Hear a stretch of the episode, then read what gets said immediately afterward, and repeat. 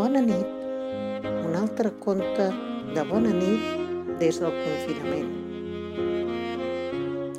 Epaminondes i la seva padrina. Una vegada, a Louisiana, país d'Amèrica, hi havia una bona dona que només tenia un fill. Com que era pobra i no podia deixar-li cap fortuna, va voler que almenys tingués un nom ben important. Així és que li va posar Epaminondes, que és el nom d'un general de Grècia antiga que va guanyar dues cèlebres batalles. El noi tenia, doncs, un nom gloriós, encara que això no semblava que li fes gaire fred ni calor. Molt sovint anava a veure la seva padrina, que sempre li donava una cosa o altra. Un dia, la padrina li va regalar un bon tros de pa de pessic. No el perdis, Epaminondes, va dir-li. Agafa'l bé. No tingueu por, padrina, va respondre Epaminondes. I va estrènyer la mà amb tanta força que quan va arribar a casa no duia més que un grapat d'engrunes. Què és això, Epaminondes? va preguntar-li la mare. Pa de pessic, mare, diu Epaminondes. Pa de pessic? Valga'm Déu! Què n'has fet del bon seny que et vaig donar quan vas venir al món? Quina manera de portar un pastís!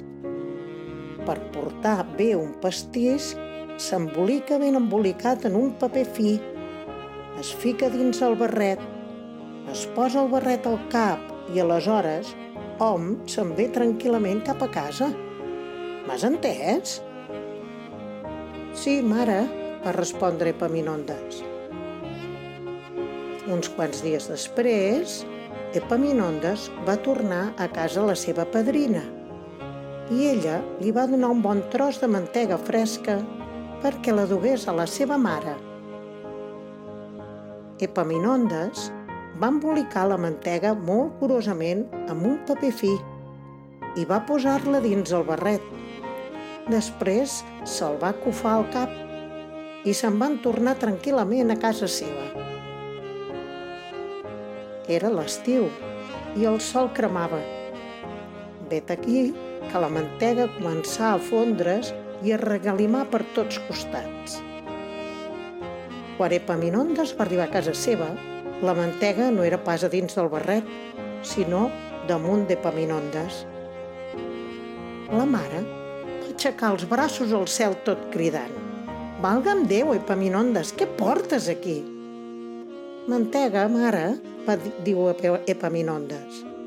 Mantega, Epaminondes? Què n'has fet el bon seny que vaig donar quan vas venir al món? Aquesta no és manera de portar mantega.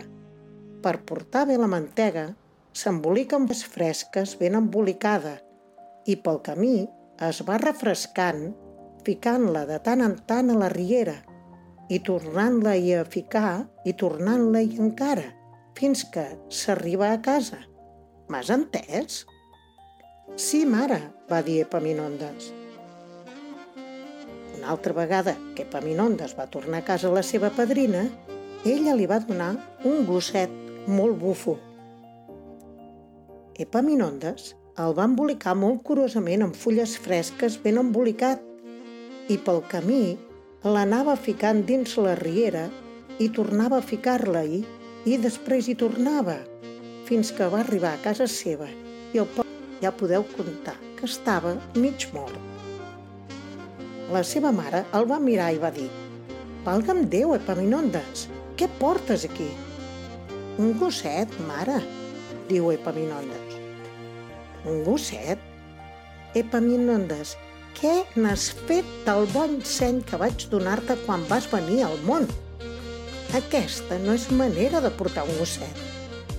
Per portar un gosset se'l lliga el coll en un cap d'una corda ben llarga i tu agafes l'altre cap i vés estirant així, que ho has entès?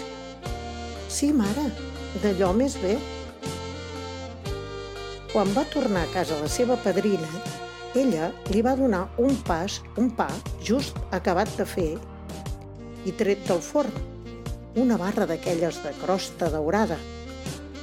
Epaminondes va agafar una llarga corda, en va lligar un cap al voltant del pa, després va deixar el pa a terra i va prendre l'altre cap de corda i va retornar a casa seva estirant així.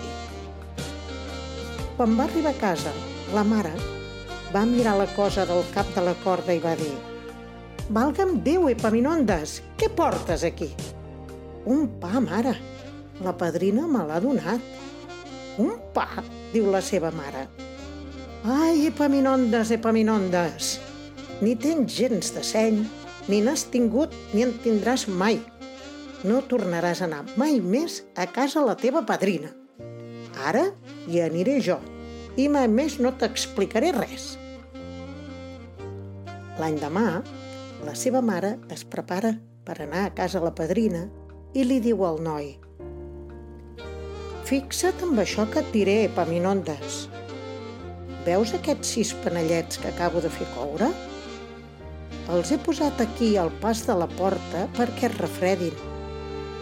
Vigila que no se'ls cruspeixin ni el gos ni el gat.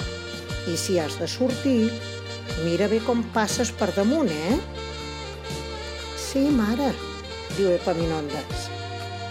La mare va posar-se la cof i la manteleta i se'n va anar cap a casa la padrina. Els sis panellets van quedar refredant-se al pas de la porta. I quan Epaminondes va voler sortir, va mirar, mirar molt bé com passava per damunt. Un, dos, tres, quatre, cinc, tot posant exactament el peu al mig de cadascun. I sabeu què va passar quan va tornar la mare? Ningú no s'ha pogut mai explicar-m'ho però potser vosaltres ho podreu endevinar. El que jo em penso és que Epaminondes va quedar-se sense saber quin gust tenien els panellets. Bona nit!